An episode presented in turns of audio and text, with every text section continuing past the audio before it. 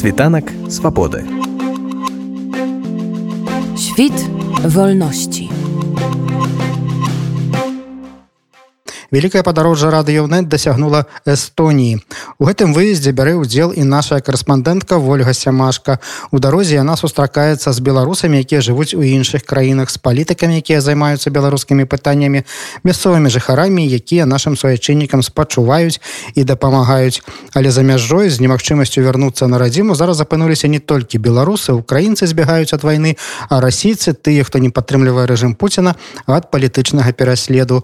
У таліне Вольга Сямашка сустрэлася з галоўным рэдактарам выдання Рэджан Эксперт Вадзімам Штэпам. Давайте паслухаем іх іх размову.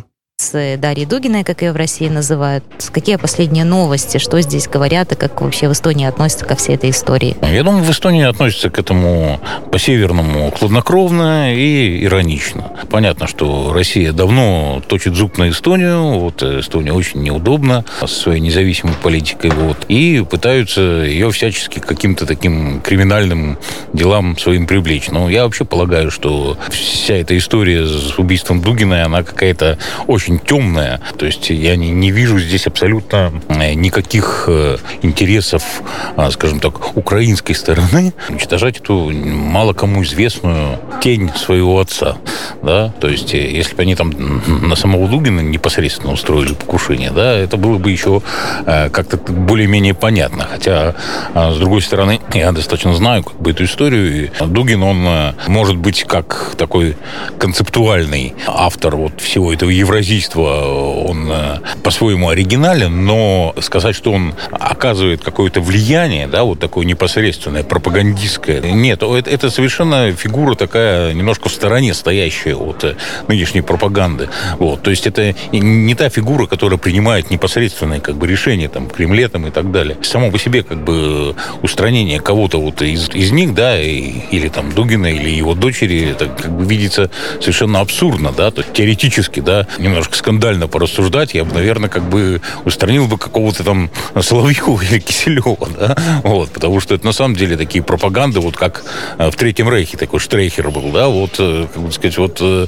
это такие действительно отцы пропаганды, можно сказать, кремлевской. А Дугин, он как-то где-то в стороне, и поэтому говорить о том, что даже с его устранением как бы что-то бы изменилось, ничего бы абсолютно не. Я полагаю, что это разработка российских спецслужб, нацеленная на то, что что вот они специально, может быть, целенаправленно устранили эту девочку 29-летнюю, чтобы раскачать вот российское сознание, доказать, что вот там какие враги уничтожают там наших замечательных там девушек таких вот красивых, умных там и так далее, и надо дальше воевать. Я полагаю, что это все сделано с целью дальнейшей а, раскачки милитаризма в России. То есть здесь в Эстонии Дугина до этой истории мало кто знал? Да, фактически само эстонское общество его не знало. Здесь я бы не сказал, что так уж особо сильно интересуются такими вот хитросплетениями э, вот этой российской пропагандистской политики. Здесь просто видят ее результат, да, а результат пропагандистской политики, он сказывается на местном русскоязычном населении, которое смотрит там телевизор и так далее, да, то есть оно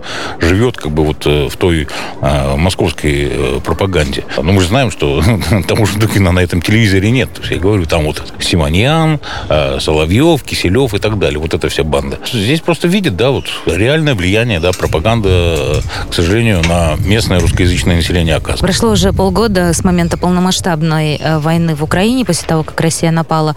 А как за это время изменилось тут э, отношение к русскому, к русскоязычному населению, к русским в Эстонии? Понимаете, э, тут сложно сказать вот так обобщен. То есть даже вот когда президент Алар Карис выступал на первом митинге вот в поддержку Украины, мне кажется, 25 февраля был, вот, он сказал, была конкретная фраза, что это не война русского народа против Украины, это война Путина, имперская война Путина. Он, вот его конкретная формулировка. То есть, действительно, да, в Эстонии, понимаю, здесь такая ситуация, что, ну, примерно 25% здесь русскоязычное население. А власть, естественно, не хочет устраивать э, каких-то внутренних конфликтов. Хотя, в общем-то, местное русскоязычное население, я это тоже замечаю, что э, поскольку оно имеет доступ к информации, в отличие от э, граждан России, которые в России живут, оно здесь все-таки мыслит более свободно, и здесь достаточно количество критиков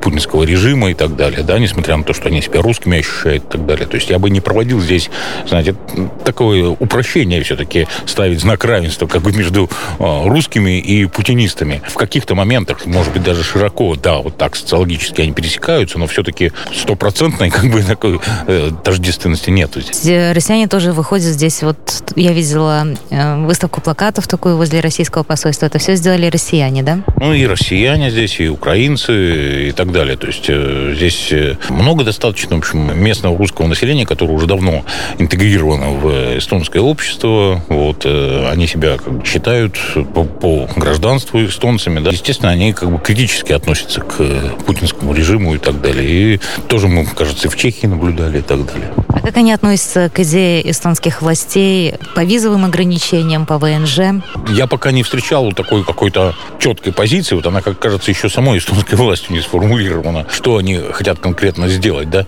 Э, но, с другой стороны, вот то, что я знаю, да, в курсе, да, речь идет об отмене туристических виз в первую очередь, да, то есть э, обладатели ВНЖ как бы здесь никто трогать не будет, потому что у них, э, ну, многие даже здесь родились, они просто в 90-е годы получили российский паспорт тогда, да, вот тогда была такая опция, да, что можно было жить здесь человеку, ну, просто получить российский паспорт, как бы сказать, и постоянно вид на жительство. Их отсюда никто не гнал, они просто работают, они знают язык уже давно и так далее. То есть они, в принципе, нельзя сказать, что они такая пятая колонна, как бы здесь. А что касается туристических виз, я, в принципе, абсолютно поддерживаю здесь э, и эстонскую власть, и, и литовскую, и так далее. Потому что, ну, действительно, это абсурдно, да, когда Россия фактически ведет войну против Европы, да, а некоторые, далеко не все, конечно, россияне, да, большинство россиян, кто выезжает за рубеж, они едут куда там, в Турцию, в Египет там и так далее. Вот. А в Европу едет очень небольшое число, это в основном так называемый э, средний класс, да, вот эти, или даже upper, upper middle class, да, которые работают там, допустим, в таких структурах, как «Газпром» там и так далее. То есть у них э, хватает денег как бы на это и так далее. Вот они э, ментально, пропагандистски они обработаны вот этой путинской пропагандой, но при этом ездят на средиземноморские пляжи загорать там и так далее. То есть это, конечно, вот абсурд, он, его надо преодолеть. Естественно, таких людей пускать в Европу сейчас нельзя. Может быть, надо как бы не навсегда там эти отменить визы, да, но приостановить вот э, на время этой войны это точно. Важно как бы не перегнуть грань, то есть э, есть э, многие люди, которые живут в Европе, ну, граждане России, имею в виду, давно, да, и просто для того, чтобы хотя бы какие-то родственники как бы к ним приезжали, то есть так, такого рода гуманитарные визы, конечно, здесь отменять нельзя. Здесь речь идет, я полагаю, только вот об отмене туристических. А почему вы выбрали местом своей дислокации Эстонию? Ну, вы знаете, я, я ведь родился в Карелии, и это как бы достаточно э, близкий и по культуре, и по природе регионы, и мы с эстонскими коллегами общались еще с 90-х годов, вот, они приезжали к нам, и я к ним, и, в общем, а когда у меня, э, в общем, начались в 2015 году в Петрозаводске такие достаточно жесткие проблемы, там и э, два административных дела, и губернатор даже специально написал, что таким, как он, экстремистам воли не будет. Вот, и сказали конкретно, что э, следующее дело будет уголовным. Вот, я тут писал коллегам своим, сказал, что ну, что мне делать? Он говорит, давай, приезжай, найдем тебе какой-нибудь контракт. вот. То есть так все как бы совершенно спонтанно получилось. Я не думал, как бы, да, что вот так целенаправленно надо куда-то ехать. Просто они мне сразу написали, сказали, что ну, раз такая ситуация, действительно висело уголовное дело просто за, за мои статьи, понимаете? То есть, как бы, так что пришлось сюда перебираться. А много политических из России сейчас сюда переезжают? Потому что журналисты вот в основном в Ригу переезжают. Журналисты, да. А, да, вообще среди балтийских стран очень такая, такое интересное распределение, я уже писал как-то об этом, да, что если э, Литва в основном принимает э, таких э, политиков, да, то есть там форум «Свободной России», вот ну, все там его участники, и навальнистов там и так далее. Вот. Латвия, она, Рига превращается в такой э, пресс-хаб, да, то есть там «Медуза», еще там «Дождь», да, и так далее. А Эстония, э, так, опять же, поскольку она самая маленькая из трех стран, она такого широкого приема не проводит, но она в основном сосредотачивается, э, во-первых, здесь интересные э, программисты, да, потому что Эстония такая самая продвинутая страна, вот, они готовы здесь принимать. А много действительно российских программистов, которые, ну, они просто, у них ментальность такая, они не могут эту всю эту имперскую чушь про традиционные ценности жить, как бы, да, вот. Эстония принимает программистов, Эстония принимает э, э, финно-угорских деятелей культуры, да, которые, которые в России достаточно подавлены, а Эстония, она одни один из таких продвигающих хабов э, именно финно-угорских культур.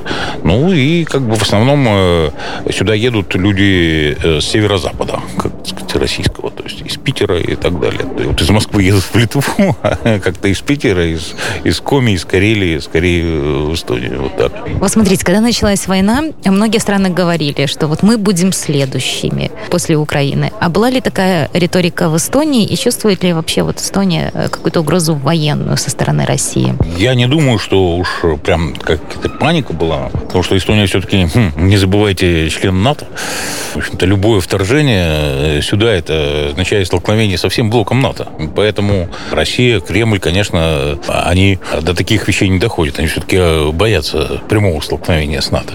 А, да, в 90-е годы здесь были такие разговоры о том, что вот, может быть, Нарва там а, отойдет там к России и так далее. В Нарве действительно такая очень интересная ситуация, да, что там уже 95% русского населения, вот, и, и там такие в общем, люди достаточно, ну, они, э, ну, промытые мозги российским телевидением и так далее, но при этом потом вот ситуация в нулевые годы достаточно, в общем, ярко показала, что вот на берегу, на том, на том берегу Нарова этот российский Ивангород, да, просто норвегитяне смотрят, да, сравнивают, да, и говорят, что да, мы, конечно, как бы вот такие вот русские патриоты, но мы туда не хотим, потому что там действительно, на самом деле, все убито, и просто они видят перед глазами это все. Поэтому вот такой ситуации, как, например, э, с Донбассом, да, э, здесь провести аналогии невозможно, потому что Донбасс, на самом деле, ну, опять же, все начиналось с пропагандистской, да, раскрутки. И с Крымом, кстати говоря, еще раньше. Там тоже как бы российская пропаганда поработала еще лет за 10 до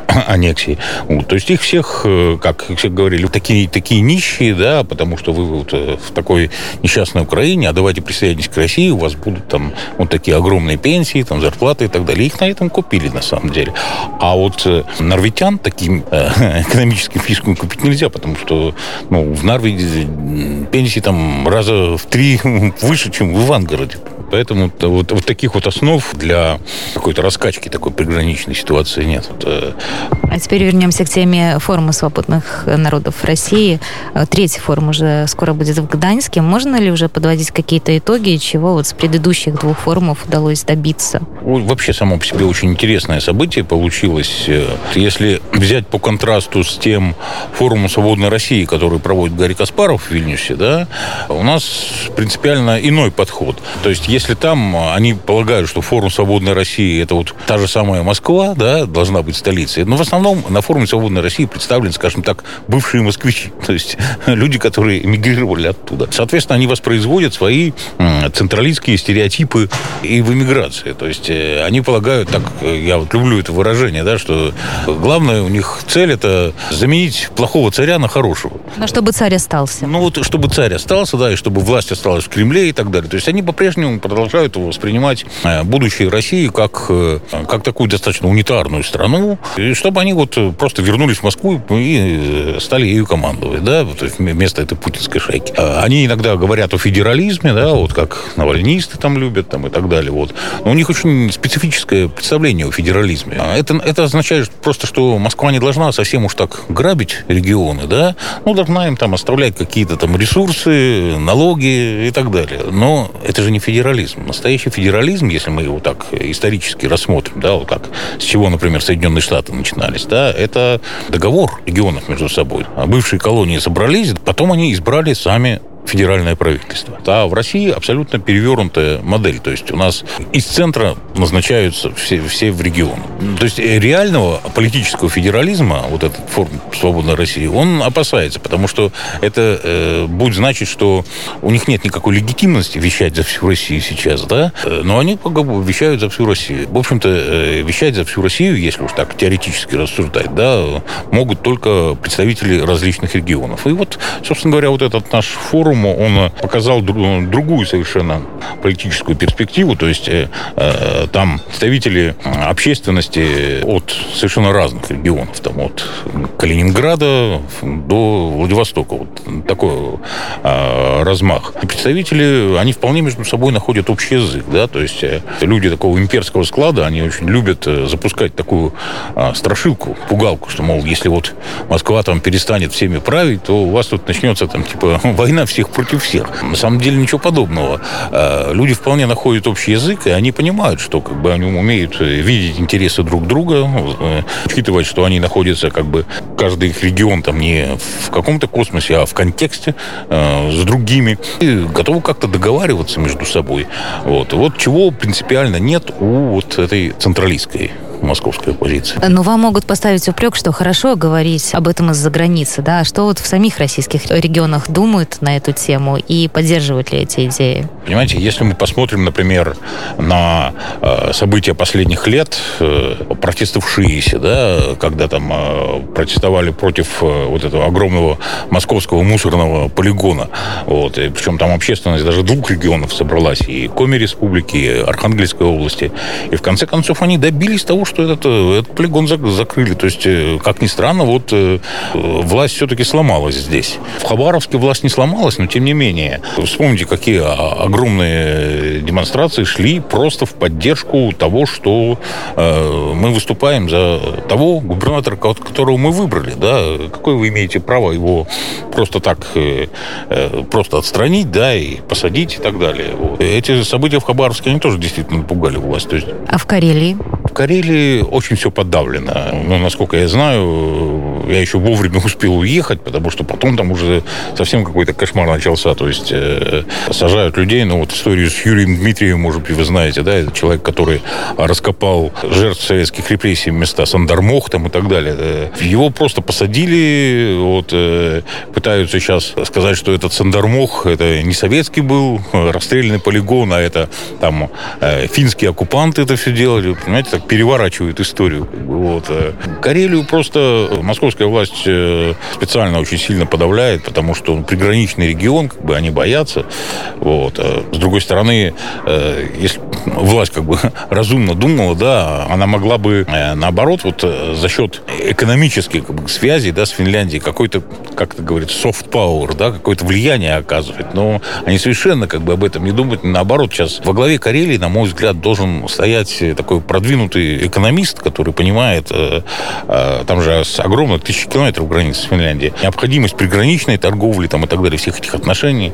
А они наоборот, э, сейчас этот губернатор Парфенчиков, силовик, то есть они ставят просто таких отмороженных силовиков, вот, которые ничего не понимают в экономике, вот, просто у них как бы тупо задача отгородиться от Европы. В перспективе это особо не сработает, потому что все-таки, насколько я знаю, как бы сколько я прожил, там ментальность у людей все-таки у молодежи более такая проевропейская. Там ведь даже э, интернет появился раньше, чем в Москве. В 97 году там уже э, дома, под, квартиры подключали к интернету. В Москве еще такого не было.